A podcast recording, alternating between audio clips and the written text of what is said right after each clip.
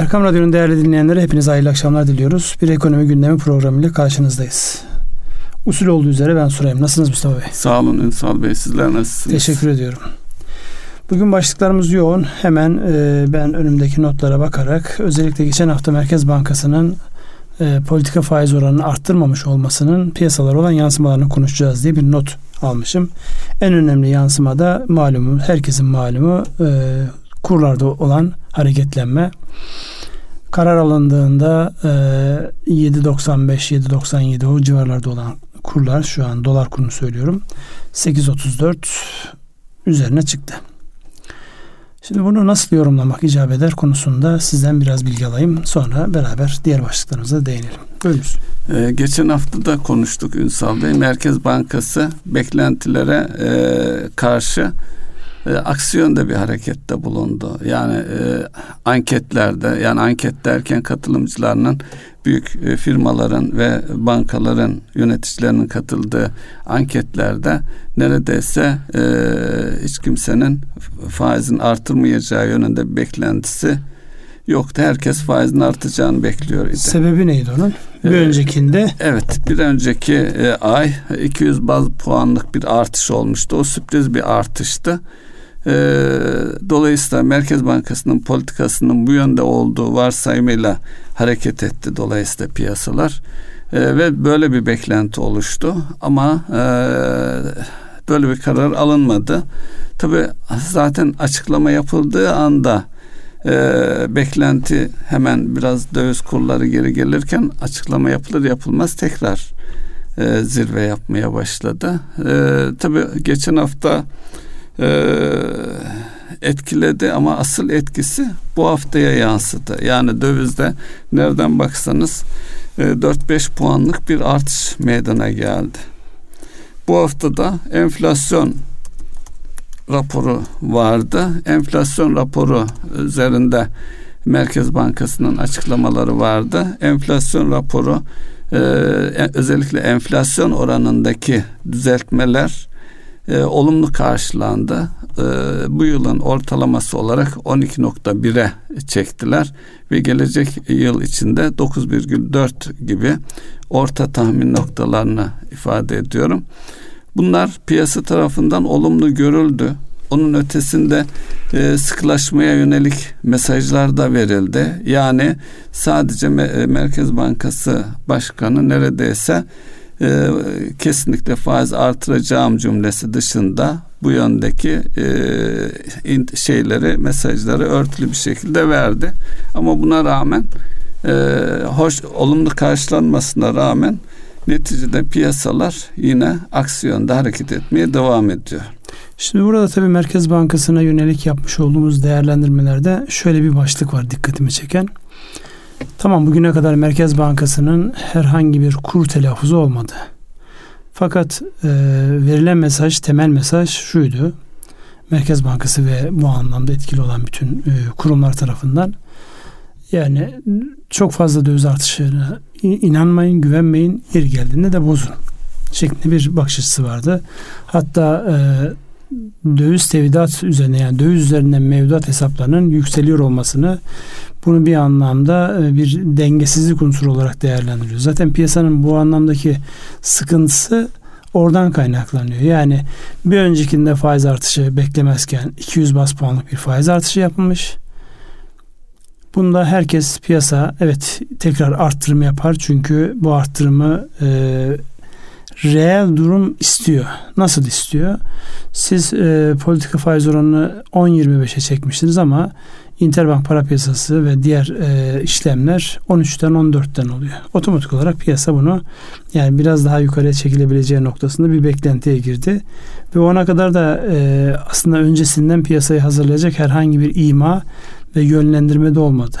Herkes tamam kesin hatta onun biliyorsunuz e, ne derler anketlerle yorumlar yapıldı. 100 bas puan mı 200 bas puan mı diye şeyler vardı ama hiç kimsenin 125 100 gibi bir evet, orta nokta vardı. 175 ya da 175 bas puan gibi orta nokta vardı. Olmayıp da şimdi farklı bir şey gelince bunun direkt yansıması kurlar oldu. Tabi tek Merkez Bankası'nın kararı değil. Şu an içinde bulunduğumuz e, jeokonjonktürel durum. Yani doğumuzda Azerbaycan Ermenistan arasında yaşananlar, güneyimizde hareketlenmeler, özellikle Suriye'den işte uçan cisimlerle İskenderun Hatay'da terör girişimi, Doğu Akdeniz mevzuunda e, özellikle Fransa ile olan ilişkiler biraz ben oraya değinmemiz gerektiğini düşünüyorum. E, oradaki ilişkilerin geriliyor olması, Avrupa Birliği'nin ona destek veriyor olması, ona yönelik açıklamaların olması vesaire vesaire. Ama hepsinden önemlisi de 3 Kasım'da Amerika'da olacak olan seçim. Dolayısıyla oluşabilecek e, durum şu anki anketler sonuçlarına bakıldığında Trump gidiyor, Biden geliyor. Yani devletlerin çıkarları her zaman şahısların söylediğinden öndedir.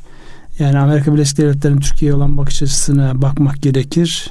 Yani sadece Biden'a gerekmez diyeceğim. Fakat öbür tarafta özellikle bu S-400 denememizden sonra Amerika Birleşik Devletleri'ni temsil eden birçok yerden Türkiye'ye yönelik bu anlamda e, yani biz bunu öylesine geçmeyeceğiz, karşılıksız bırakmayacağız gibi açıklamalar otomatik olarak piyasaya geliyor. Bunun da ilk e, vurulduğu yer zaten döviz kurları. Zaten yabancı yatırımcıların özellikle sıcak parada çok fazla bir payının kalmadığını daha önceden konuşmuştuk. Yani e, devlet tahvil hazine bonosunda yabancıların payı yüzde dördün altında, hisse senedinde de yüzde ellinin altında.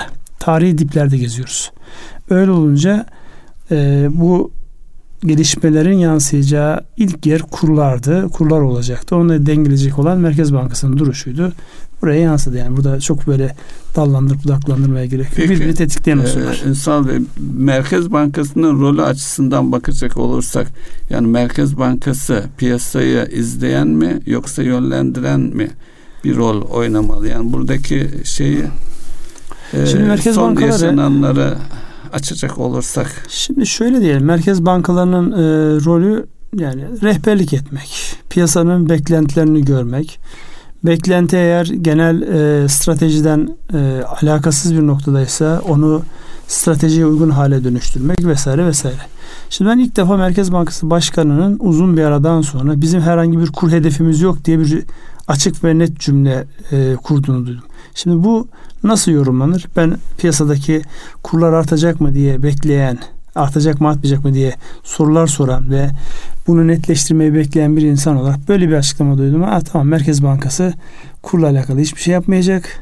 Bundan sonra önü açılır diye algılar. Peki böyle bir cümleyi kurması gerekir miydi? Böyle bir cümlenin mesajı var mıydı? Şimdi tabii e, her şeyi kendi içerisinde değerlendirmek lazım. O cümleyi niye kurdu? Önünde arkasında ne söylemek istiyordu da bunu kurdu? Ama şu bir gerçek. Herkes e, bu vesileyle e, hiç bilmediği para piyasalarıyla, finans piyasalarıyla alakalı birçok şey öğrenir. Rezerv kavramı, rezervin ne kadar kullanılabilir kavramı, bugüne kadar onun ne kadar harcandığını, harcamalarla kurların yönünün ne tarafa doğru e, evrildiği ile alakalı çok sayıda yazı yazıldı. Dolayısıyla bu tip açıklamalar yani normalde merkez bankalarının sözü çok kuvvetlidir.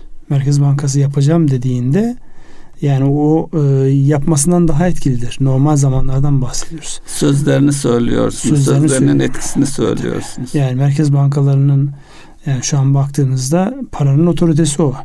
Yani e, şöyle bir şey yapacağım dediğinde ki dünyada genellikle büyük ve güçlü merkez bankalarının o sözlerin arkasında da dururlar ve gereğini de yaparlar. Piyasa onu hep dikkate alır. E burada dikkate aldı mı? E, dikkate aldı. Bizim kur hedefimiz yok deyince piyasada kendi kur hedefini kendisi koyup onun üzerinden işte gün be gün e, bir şekilde yukarı doğru gidiyor. Yani inşallah buralarda kalır. Çünkü bu yani ihracatımızı da destekleyen bir kur değil. Evet. Baktığımızda ihracatımızın önemli bir kısmı ithalat olması sebebiyle e, yani arkasında ithalatın yatıyor olması sebebiyle yani bu bizi çok böyle rahatlatan bir unsur değil. Daha fazla döviz olan ihtiyacımız artıyor. İhracat ee, yapabilmek için daha fazla evet. dövize ihtiyacımız var şu an. Dolayısıyla bunların hepsi oturup düşünülmesi gereken bir mevzu. Güzel olan taraf şu. Yani güzel olan taraf değil mi? Yani her olumsuzun içerisinde sevineceğimiz neresi var diye baktığımızda o da şu. Bireylerin en azından bankacılık sistemine birbirine olan tabii ki borçlarında altın üzerinden, döviz üzerinden çok borçlar vardır da ama en azından finans sektöründen e, faaliyet konusu döviz olmayan insanların e, döviz borcu yok. O olaya pozitif bakabileceğimiz bir taraf Döviz varlıkları var diye bakacağız. Döviz varlıkları var diye bakacağız Hem ama de e, yüzde 50'nin üzerinde tamam da şimdi şöyle yani ülkenin genel ödemeler dengesini sağlayacak bir şey değil artık kayda girmiş bir rakam. Ve oradan siz e, yani bankadaki döviz tevdiat hesabıyla dış ticaret dengeniz üzerinde çok fazla bir şey yapamazsınız. Size dışarıdan gelen taze kaynağa ihtiyacınız var. Ya mal satacaksınız ya hizmet satacaksınız. Dolayısıyla ya da borç alacaksınız. Şimdi borçlanma noktasında orada da önümüzdeki geçtiğimiz hafta e, pozitif yorumlanabilecek birkaç tane bankanın sendikasyon kapatmaları oldu. Yani yurt dışından çok sayıda bankaların katılarak bir araya gelerek vermiş oldukları kredi e, rakamlarını duyduk. Bir bankanın 800 küsür milyon dolarlık bir e, sendikasyon kredisi vardı. Dolayısıyla bunlar yeni kaynak mıdır yoksa mevcut sendikasyonun yenilenmesi midir onu bizim bilebilmemiz şansımız yok. Fakat olabiliyor. Biraz daha maliyetine katlanarak olabiliyor. E, bunları görebiliyoruz. Evet bu arada siz dış ticaretle alakalı rakamlardan bahsederseniz belki söylediklerimiz biraz daha yerli yerine oturur. Ünsal Bey Eylül ayı e, genel ticaret, e, ihracat ve ithalat rakamlarımıza bakacak olursak ihracatımız e, 4,8 ithalatımız ise %23 oranında artmış durumda.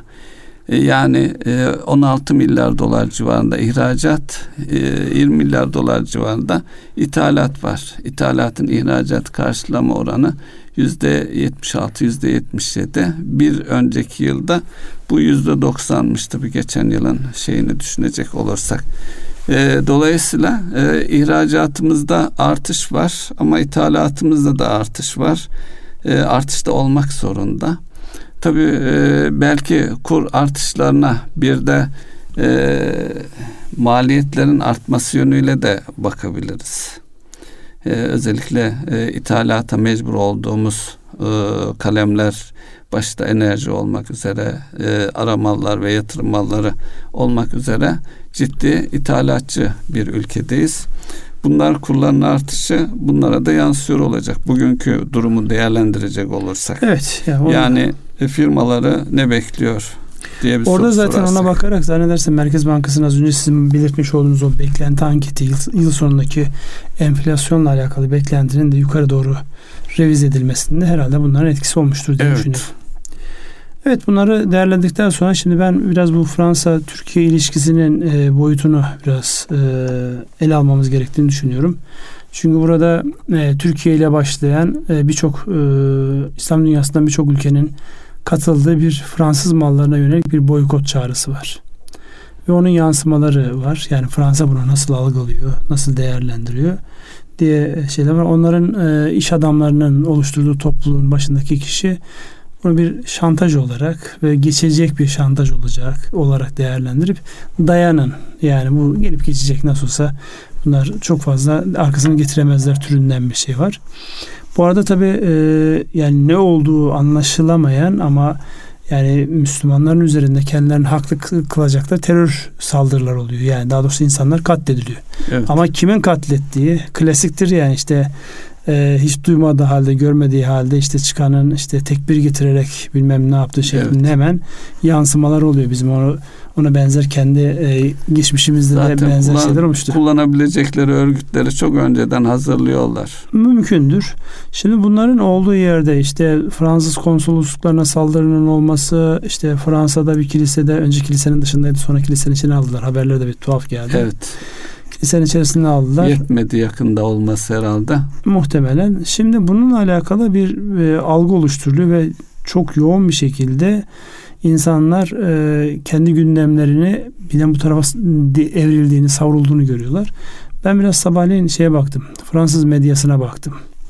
Fransa'da e, özellikle bu Macron'un e, İslam alemine karşı başta Peygamber Efendimiz'e karşı yapmış olduğu saygısızlık ve arkasından gelen tutumla alakalı Fransa içerisinde de e, hareketlenmeler, yavaş yavaş tepkiler başlamaya yani koca bir kültürü, bir İslam alemini karşıya almanın bu anlamda yanlış olduğunu daha çok orada e, Cumhurbaşkanımızın Macron aleyhinde konuşmuş olduğu, akıl sağlığıyla alakalı konuşmuş olduğu şeyi dikkat çekerek yani bu diplomasi nezaketine uymuyor. İşte burada savunalım kendimizi falan diyorlar. Şimdi inanılmaz bir çelişki oluşmaya başladı. Her yerde dün Yunanistan'dan bir e, şey vardı. Fransa'nın yapmış olduğu bu çıkışın dünyayı bambaşka bir noktaya savuracağı. Bütün bunların arkasından bir şey var. Yani Fransa'nın ünlü bir gazetesi Le Figaro'nun baş yazarının yazmış olduğu yazıya sabahleyin baktım. Yani tercümesinden baktım. Çok e, Fransızcam olmadığı için. Ama başlık çok enteresandır. Düş, düşmanı tanımak diye bir şey var. Ve şunu söylüyor. Temelleri Yahudilik ve Hristiyanlık üzerine kurulu olan Fransa'nın düşmanının kim olduğu burada çok daha net anlaşıldı diyor. Bugüne kadar işte o demokrasi, fikir özgürlüğü bilmem ne konusu. Yani biz kendi kutsalımıza yapılan terbiyesizliğe karşı tavır sergilediğimizde bizi düşman olarak algılayan bir zihniyetin ne kadar özgürlükten yana, ne kadar demokrasiden yana ve ne kadar aklı selimden yana olduğunu da aslında görünmesi anlamında çok önemli bir yazı. Bu kırılmanın olduğu bir dönemdeyiz. Dolayısıyla e, ne tarafa doğru evrilir? Valla ne tarafa doğru evrilirse evrilsin. Artık bu saatten sonra kalkıp da yani bu kadar saygısızca sergilenen bir tavrı yani insanların aa dur yapalım edelim bir şey olmaz geçer demesi mümkün değil. Yani bu iş daha da derinleşecek gibi gözüküyor. Hem ekonomik anlamda hem siyasi anlamda. Siz ne düşünüyorsunuz bu konuda? Ünsal Bey şimdi e, boykotu belki ekonomi programında olduğumuz için markaların veya ürünlerin boykot, e, boykotunu konuşmamızda yarar var. Şöyle ki e, bir takım markalar var, ürünler var e, ülkelerle özdeşleşmiş, ithal edilen, ihraç edilen. Ama bakıldığı zaman ülkemizde de mesela Alman firmaları var, Fransız firmaları var. Yani ihracatımıza baktığımız zaman belki ihracatımızın ciddi bir bölümü Türkiye'ye yatırım yapmış yabancı firmaların üretimleri ihraç ediliyor. Aynı şekilde e, yani tarımda, gıdada, ki firmaları ne bileyim parakendedeki firmaları düşünürsek e, şunu demek istiyorum. Öyle girift hale gelmiş bir dünyadayız ki bu markalara yönelik veya ürünlere yönelik boykotun nasıl bir sonuç vereceğini kestiremiyorum.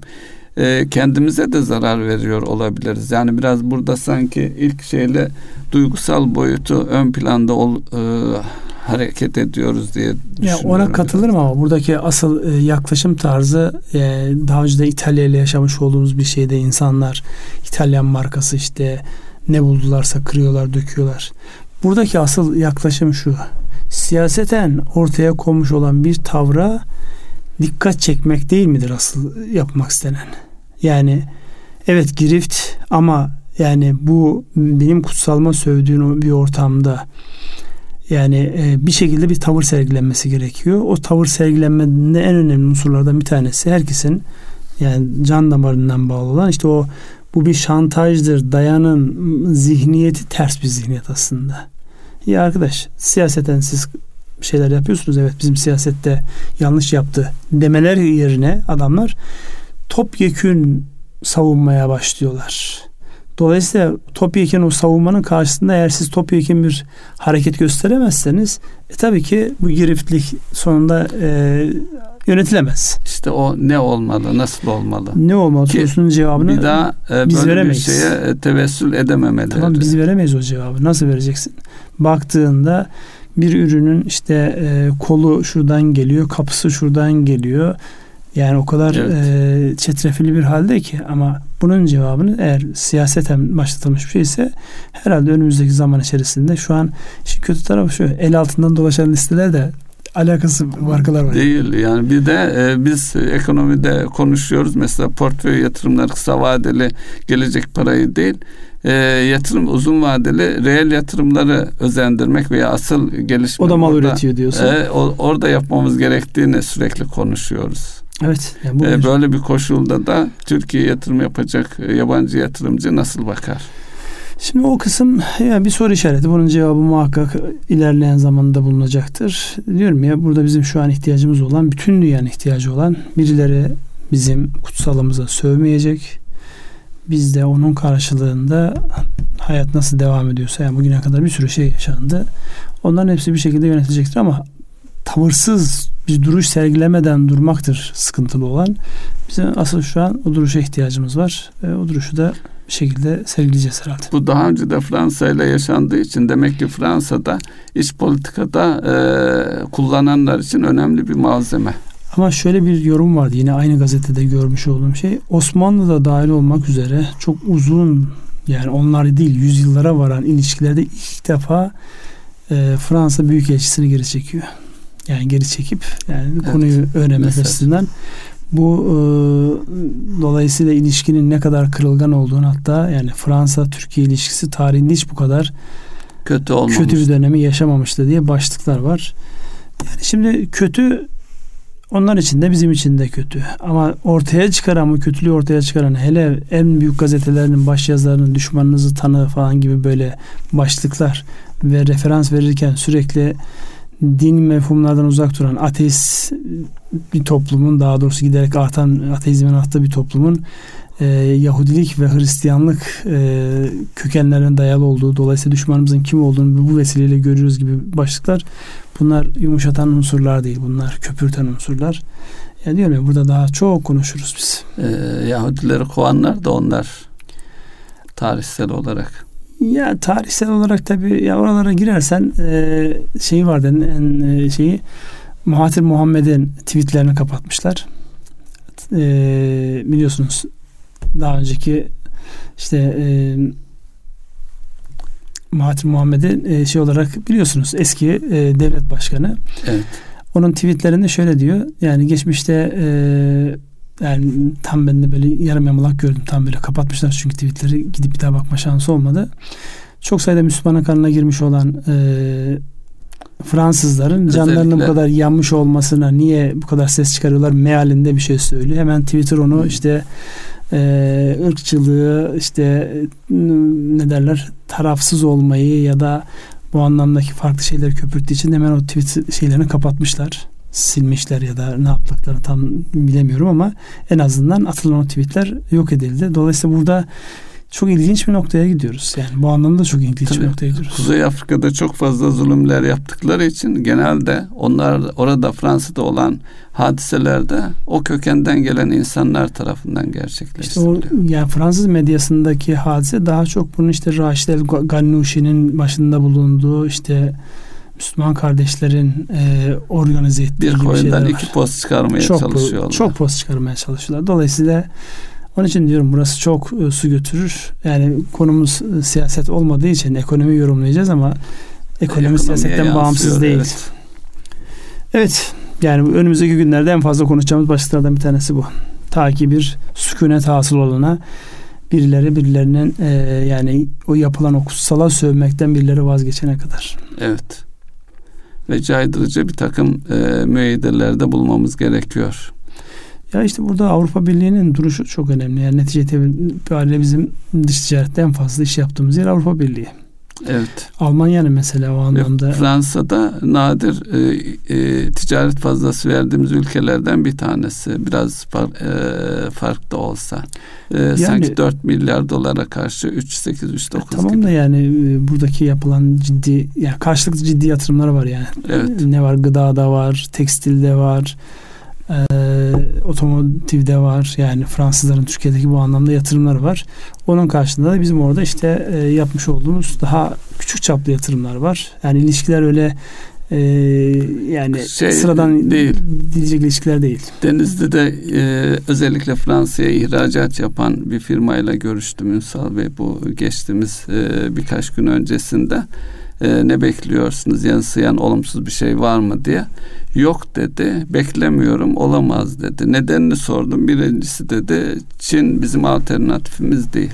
İkincisi onun Fransa'ya mal satacak ülkelere Doğu Avrupa ve Portekiz'e özellikle söyledi. Burada da iki sorun var. Hem kalite hem fiyat yönüyle e, bizimle rekabet etmeleri mümkün değil. Dolayısıyla etkileyeceğini düşünmüyorum. Şu ana kadar da herhangi bir şey gelmedi dedi. Burada tabii Suudi Arabistan'da yaşamış olduğumuzda benzer bir problem olabilir. Suudi Arabistan'da açık resmi olarak biz sizden mal almıyoruz dediler mi? Demediler. Ne Ama yapıyorlar? Orası polis devleti. Tamam da mal alan e, yapılara, organizasyonları çağırıp tehdit ediyorlar. Oradan almayacaksınız diyorlar. Dolayısıyla yani hepsinin kendi içerisinde Suudi Arabistan'la karşılaştırması tabii Fransa'nın kendi iç iç dinamikleri, hukuk yapısı.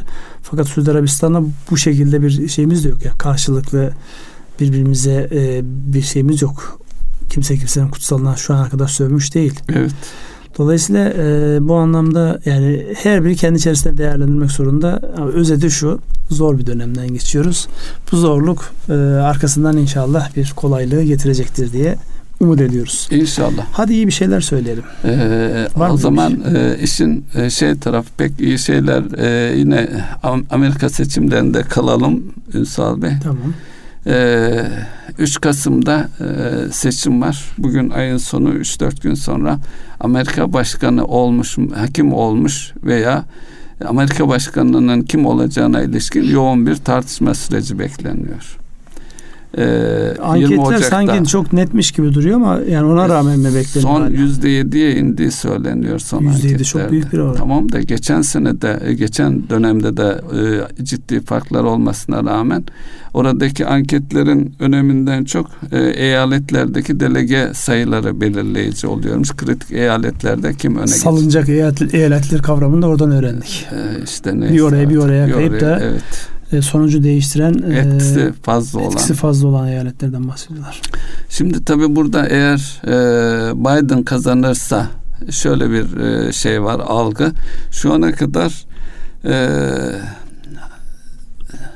Trump'tan olumsuz etkilenen ülkeler olarak Meksika ve Çin söyleniyor. Biden'ın kazanma ihtimali nedeniyle o ülkelerdeki ekonominin değer kazandığı yüzde dokuz gibi bir e, rakam söyleniyor. Buna karşılık da e, olumsuz etkilenecek ülkeler arasında da biz ve Rusya varız. Son e, değer kayıplarında e, kurlarımız da dahil işte ekonomimizle ilgili Biden'ın önde olmasına bağlıyorlar. Dolayısıyla ya satın alındı diyorsunuz. Evet, satın alındı. E, hatta e, Biden seçilse bile zaten bu satın alındı.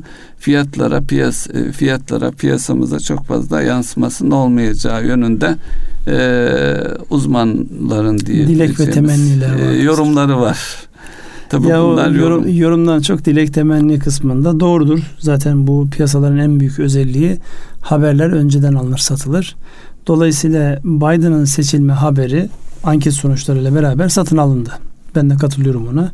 Fakat bu satın almanın bugün e, seçim öncesinde e, ki işte son günlerimiz şeyde piyasaların açıklığı anlamında e, ciddi fark oluştu. Yani borsaya bakarsanız işte yüzde ondan fazla bir geri geliş oldu. Kurlara bakarsanız yüzde beşten fazla bir yani son ataktan bahsediyorum. Bir artış oldu. İkisini birlikte değerlendirdiğinizde makas enteresan bir şekilde şirketlerin döviz karşısındaki değerinden bahsediyorum. Oradaki yani minimum yüzde on beş gibi bir e, geri geliş evet. oldu. Bu endeks bazında, toplam bazında ama firma bazında çok farklı sonuçlar da çıktı tabii. Çok evet. E, firma bazında değişik sonuçlar var. E, dolayısıyla merakla bekliyor bekleyeceğiz artık e, seçim sonuçlarını.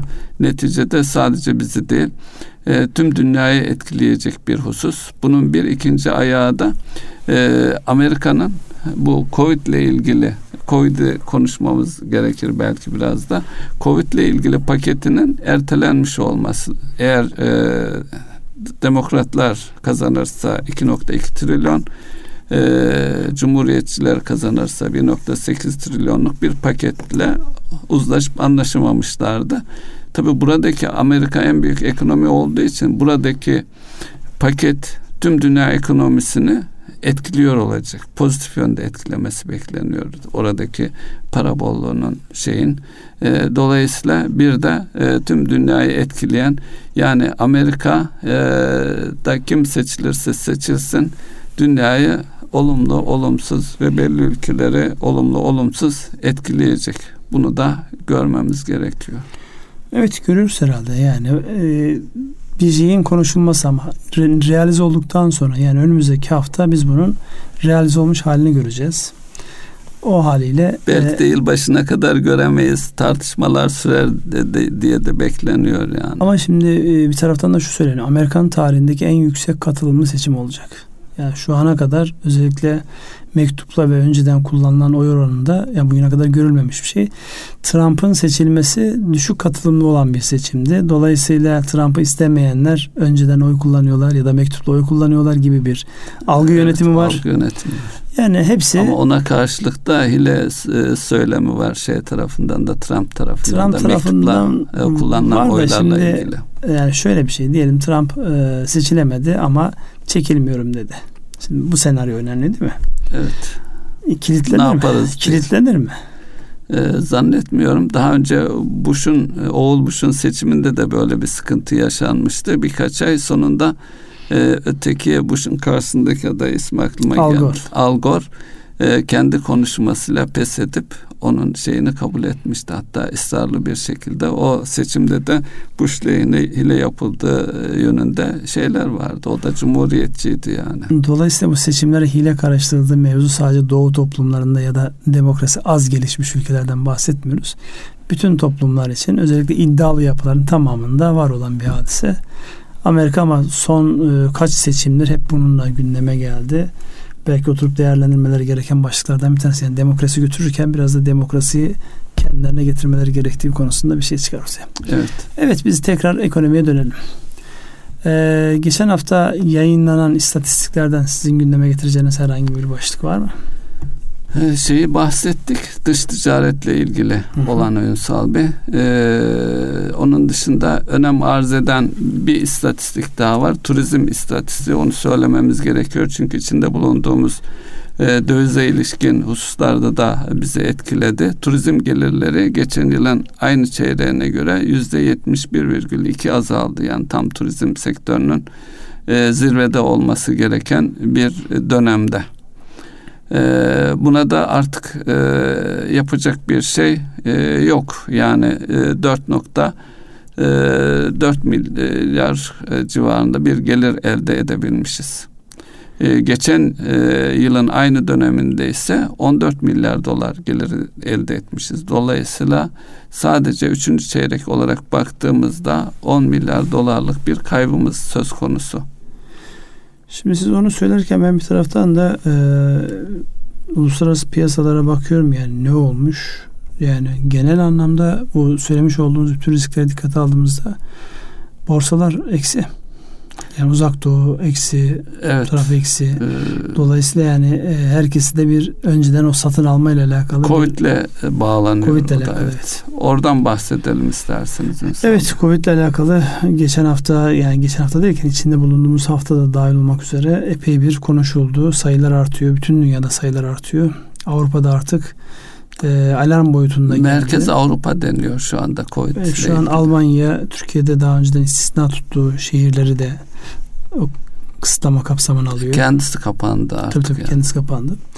Dolayısıyla kendisiyle alakalı Almanya hiç olmadığı kadar paniklemiş vaziyette.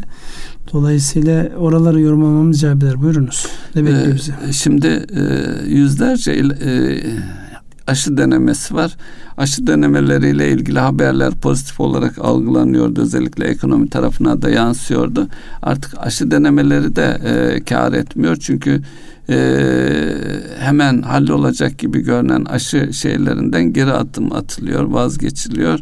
Bir de şöyle bir beklenti var. Tabii tıbbi olarak bilemiyoruz. İlk çıkan aşıların işe yaramayacağı yönünde de bir e, algı var.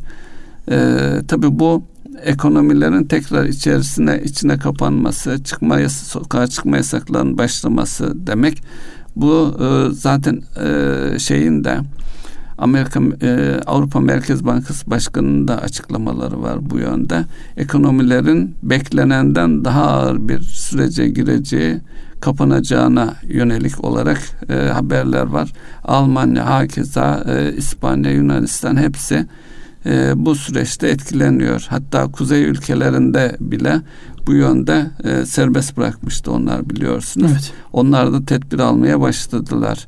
E, bir taraftan da acaba virüs e, mutasyon mu değişti, e, e, de, geliştirdi gibi haberler de var. O, orada da sadece söyleniyor. Demek ki nasıl bir şeyse e, daha e, detaylarına ne olduğuna e, tıp e, veya bilim vakıf olabilmiş değil.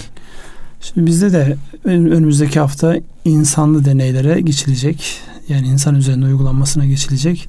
Dediğiniz gibi dünyanın her tarafında uygulamalar var. Ülkeler birbirleriyle paslaşıyorlar. Rusya'nın Türkiye ile işte Çin'in Türkiye ile Almanya'nın Türkiye ile olan ilişkileri var. Biz kendimizi merkeze koyarak kiminle ne ilişkimiz var diye baktığımızda aşı denemesi konusunda çok ciddi çalışmaların olduğunu görüyoruz. Fakat şu saate kadar henüz daha netleşmiş bir şey yok. Bir de o Amerika'daki o meşhur iddia var ya seçimden sonra aşının bulunduğunu ve herkese dağıtılacağı. Dolayısıyla seçimin bitmesini bekliyorlar şeklinde. Yani bugünlerde her şey böyle havalarda uçuşuyor. Bu kadar kolay mı olmalı bu işler diye insan ister istemez kendisine soruyor. Şu anda kimse bilemiyor. Yani biri çıkıp aşı diye dağıtsa onu satın alacak insanlar da vardır. Yani. Vardır. Kesin vardır. Dolayısıyla bunların hepsini birlikte değerlendirdiğimizde bizim de kendi aşımızı ve kendi gerçeklerimizi değerlendirmemiz yapılır. Ama sayı artıyor. Özellikle e, vefat edenlerin sayısı artıyor. Bulaşan insanların sayısı artıyor. Sürekli Sağlık Bakanlığı'nın yapmış olduğu yerler var. Ekonomik anlamda biz hep değerlendiriyoruz ama insan sağlığı özünde bunun ekonomik yansımaları da olacaktır. Azam ölçüde özen gösterilmesi ve buna gereken hassasiyetin gösterilmesi konusunda döne döne söyleniyor. Biz de onu tekrar etmiş olalım. Evet inşallah e, tez elden aşı bulunur. E, tekrar sağlığa, sağlık problemi ortadan kalkar. Çünkü gittikçe hem sağlık yönüyle hem ekonomi yönüyle sıkıntılı bir süreç devam ediyor. Şimdi burada e, özellikle üçüncü çeyrek sonuçlarıyla beraber dünyada farklı farklı e, başlıklar geliyor. Ama ben e, yani bazı ülkelerde büyüme rakamları gelirken bazı ülkeler küçülüyor. E, petrol fiyatlarına dikkat çekmek istiyorum. Ne oluyor petrol fiyatlarında? Çok sert hareketler orada da kendini gösteriyor. Yani bunu neye yorumluyor? İnsanlar ne bekliyor? Altın fiyatları 1900 sanki sınırdı. Evet. 1900'ün altına indi. Ve birçok insanı orada terse yatırdı bir anlamda. Yani bugün baktığımızda işte 1860'lı 70'li seviyelerde sürekli hareket ettiği için yani en son baktığımda oralardaydı. Nasıl yorumluyor piyasalar bunu? E, petrolle ilgili Ünsal Bey e, geçtiğimiz haftalarda özellikle Rusya ve Suudi Arabistan belli noktalarda uzlaşmış idi üretim kısıtları konusunda. E, döv, e, petrolü 40 e, ve 50 dolar aralığında e, tutacaklar diye bekleniyordu.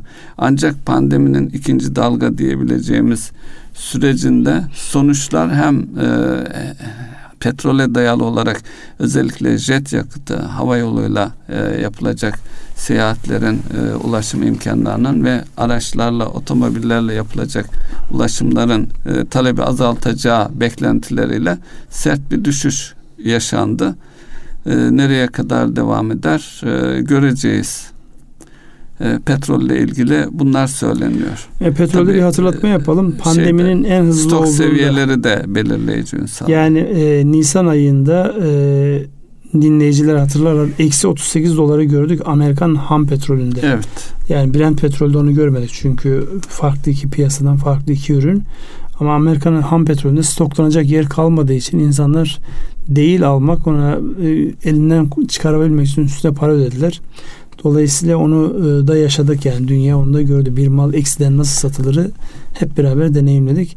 Şu an o aşamada değil ama ve lakin e, yine pandemiyle beraber e, vakaların sayısının artmasıyla beraber petrol fiyatlarında e, uzun zamandan beri haftalık en sert düşüşü yaşadığımız bir hafta oldu. Onu da bir not olarak belirtmiş olalım. Altın için ne diyorsunuz peki? Altından ee, insanlar niye uzaklaşıyor? Ünsal Bey altın için şöyle söyleniyor. Şimdi altın hatırlarsanız 2200 e, dolarlara 3000 dolarlara gidecek diye altının 1000 dolar 2000 doların üzerine çıktığı günlerde yoğun olarak böyle bir e, hatta e, dünyanın önde gelen finans kuruluşlarının öngörüleri olarak piyasaya bu bilgiler paylaşıldı.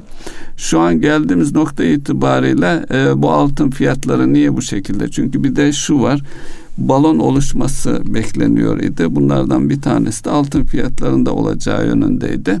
E, son 10 yıldır merkez bankaları e, altın satın alırken özellikle son çeyrekte altın satışına geçmiş durumdalar. Buna hem bizim Merkez Bankamız hem Rusya, Çin yani birçok Merkez Bankası e, bu yönde bir e, hareket başlatmış. Dolayısıyla fiyatları aşağı çeken unsurlardan e, bir tanesi de bu. E, tabii biz bunu konuşuyoruz ama bir de vatandaşın e, fiyat algısı da var. Orada da döviz kurundaki yükselişe bağlı e, olarak da e, bizim bu e, söylediğimiz şeyi nasıl olur? Çünkü TL karşılığı Artıyor. gram altında Rekor kırmaya devam evet, ediyor. E, kırıyor diyebilirler. Oradaki artış e, yani şu anki e, rakamı söylediniz ama bizim ülkemizdeki artışta e, kur kaynaklı bir artış olarak altını çizmemiz gerekiyor. Yani biz evet altın fiyatları düşse dahi kurlar arttığı için o avantajı lehimize görmüyoruz. Yani ülke olarak e, günlük hayatımızda altın fiyatlarının Türk lirası karşı olarak arttığını görüyoruz. Burada benim dikkatimi çeken emtialarda özellikle bu endüstriyel üretimde önemli unsurlardan bir tanesi olan bakır fiyatlarındaki artış her zaman bakıyoruz. 2020 yılının işte malum Mart Nisan'daki en dip fiyatından bugüne geldiğimizde yaklaşık 2100 dolardan 3100 dolarlar seviyesine gelmiş, 3200 dolarlar seviyesine gelmiş bir bakır fiyatından bahsediyoruz. Son hafta bir e, düşüş yaşanmakla beraber şu an 3050 dolarlar seviyesinde. Dolayısıyla e, yani bakır fiyatları e, sanayinin, endüstrinin ihtiyaç duyduğu ve ona bağlı olarak talep gören bir ürün olması sebebiyle e, geçen senenin bu seviyelerin üzerinde bir noktada hem bir hayli üzerinde yani geçen seneler bu vakitlerde 2500-2600 dolarlar seviyesindeymiş. Şu an 3050-3100 dolarlar seviyesinde. Dolayısıyla geçen sene pandemiye rağmen geçen seneye göre e, bakır fiyatlarında yukarı gidiş var. Demek ki sanayi üretiminin o ilk şoku yaşadıktan sonra insanlar üretme konusunda daha da deneyimli olarak e, yapılan yanlışları da görerek e, daha akıllıca üretim devam ediyor. Üretimde herhangi bir kesilme yok gibi görünüyor. E, burada, Talep var mı? Talebi göreceğiz. Evet, e, şeye dikkat çekmek gerekiyor. Tedarik zincirinde yaşanan sıkıntılar vardı. Onların kısmen çözüldü. Daha doğrusu yeni öğrenildi. Dolar, öğrenildi. Onun yansımaları var. Özellikle otomobilde, otomotivde bazı firmaların yüzde yüz üretim seviyelerine geldiği söyleniyor. Tabi e, bu arada otomobil fiyatları da birinci el, ikinci, ikinci el son dönemde ciddi e, artmışın ötesinde e, yatırımcı yıllar önce biliyorsunuz otomobil bir yatırım aracıydı. Adeta şimdi yine Tekrar bir yatırım aracı haline geldi ve iyi de kazandırdı diyebiliriz. Şimdi kazandırmış olması için elinizde çokça olacak satacaksınız ve daha düşük fiyattan alacaksınız. Sattığınız yerine koyabiliyor musunuz? Satan pişman oluyor zaten. Ya. Sattım ama e, aynı arabayı alamıyorum yakınması. Evet. Var. Dolayısıyla yani yatırım aracı mı?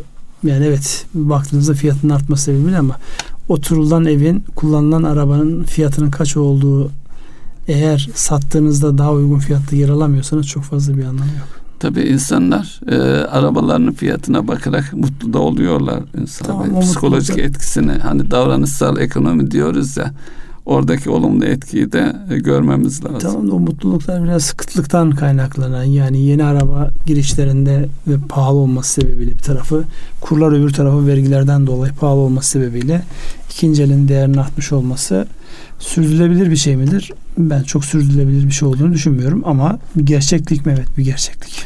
Benim beklentim önümüzdeki dönemde e, araç üretimi bu şekilde devam ettiği müddetçe belki fiyatlar gelmeyecek ama e, bayi fiyatlarına e, herhangi bir vade farkı konmaksızın kampanyaların başlayacağı dönemi göreceğiz diye bekliyorum. Benim de temennim yerli otomobilin çıktığında seri üretime geçtiğinde benzer bir durum olursa oradan yani çok iyi bir satışla iyi bir giriş yapabilir marka. İnşallah bu arada Kıbrıs'ta da bir elektrikli otomobil prototipi üretilmiş. Onu duyunca ben de mutlu oldum. En azından oradaki Kıbrıs'ta bizi dinleyen e, kardeşlerimiz var biliyorsunuz Ünsal Bey. Radyonun yayın alanlarından evet. e, Kıbrıs. E, dolayısıyla bu arada onlara da e, bir selam göndermiş olalım. Tamam. Şimdi burada e, dediğim gibi şeylere baktığımızda, emtialara baktığımızda yani başta altın olmak üzere, petrol olmak üzere çok önemli sert hareketlerin olduğu bir hafta yaşıyoruz.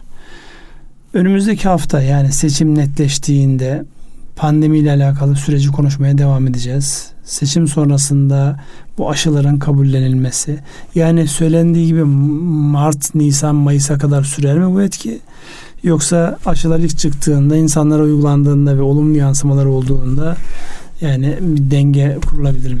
Tekrar insanlar arabalarına binip gezecekler, petrol alalım ya da işte altın bu anlamda nasıl değerlendirirsiniz bilmiyorum ama derler mi insanlar sizce? Şimdi e, sokağa veya çıktığımız zaman şunu görüyoruz. E, havalar soğuyacak, insanlar kapalı mekanlara girecek. Bu hem evleri hem işte restoranından e, ulaşım imkanlarını, e, otobüsü, e, metrosunu e, e, işte vapurunu düşünecek olursak kapalı mekanlara girecekler için bir tehdit. Tabi bu arada bir de kışın klasik e, nezle grip e, hastalıkları var. İkisinin birlikte yaşanması e, endişesi ve korkusu var. Dolayısıyla belki e, yine bahar aylarına kadar çalışabilecek insanların evden çalışması, mesai saatlerindeki kaydırmalar gündeme gelecek. Bununla ilgili belki bu hafta Türkiye'de de yeni bir takım e, şeyler gelebilir diye beklentiler var Ünsal Bey. Yani Kısıtlamalar veya kısıtlama demeyelim de yeni koşullara göre yapılması gereken neyse. Ya orada çok net uyarılar var yani bu tamamen insanların e, hassasiyetiyle birinci derecede alakalı.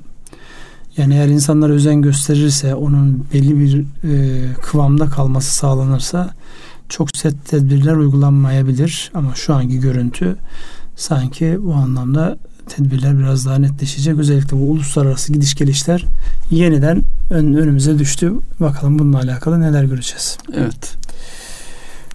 Evet siz e, bir taraftan süreye bakıyorsunuz. Daha 4 dakikamız var. Bu 4 dakika içerisinde ilave edeceğiniz başlıklar anlamları neler var? Ee, şöyle e, başlık olarak bir konuyu gündeme getirmekte yarar var diye düşünüyorum dinleyenlerimiz açısından Ünsal Bey.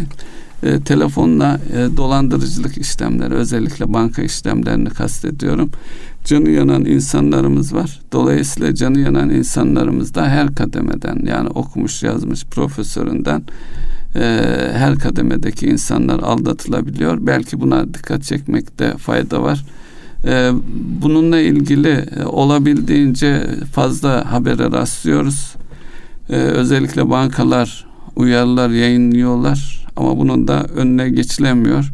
Bakıldığı zaman belki biraz e, teknik olacak ama bir banka nasıl hareket eder onu vurgulamakta yarar var.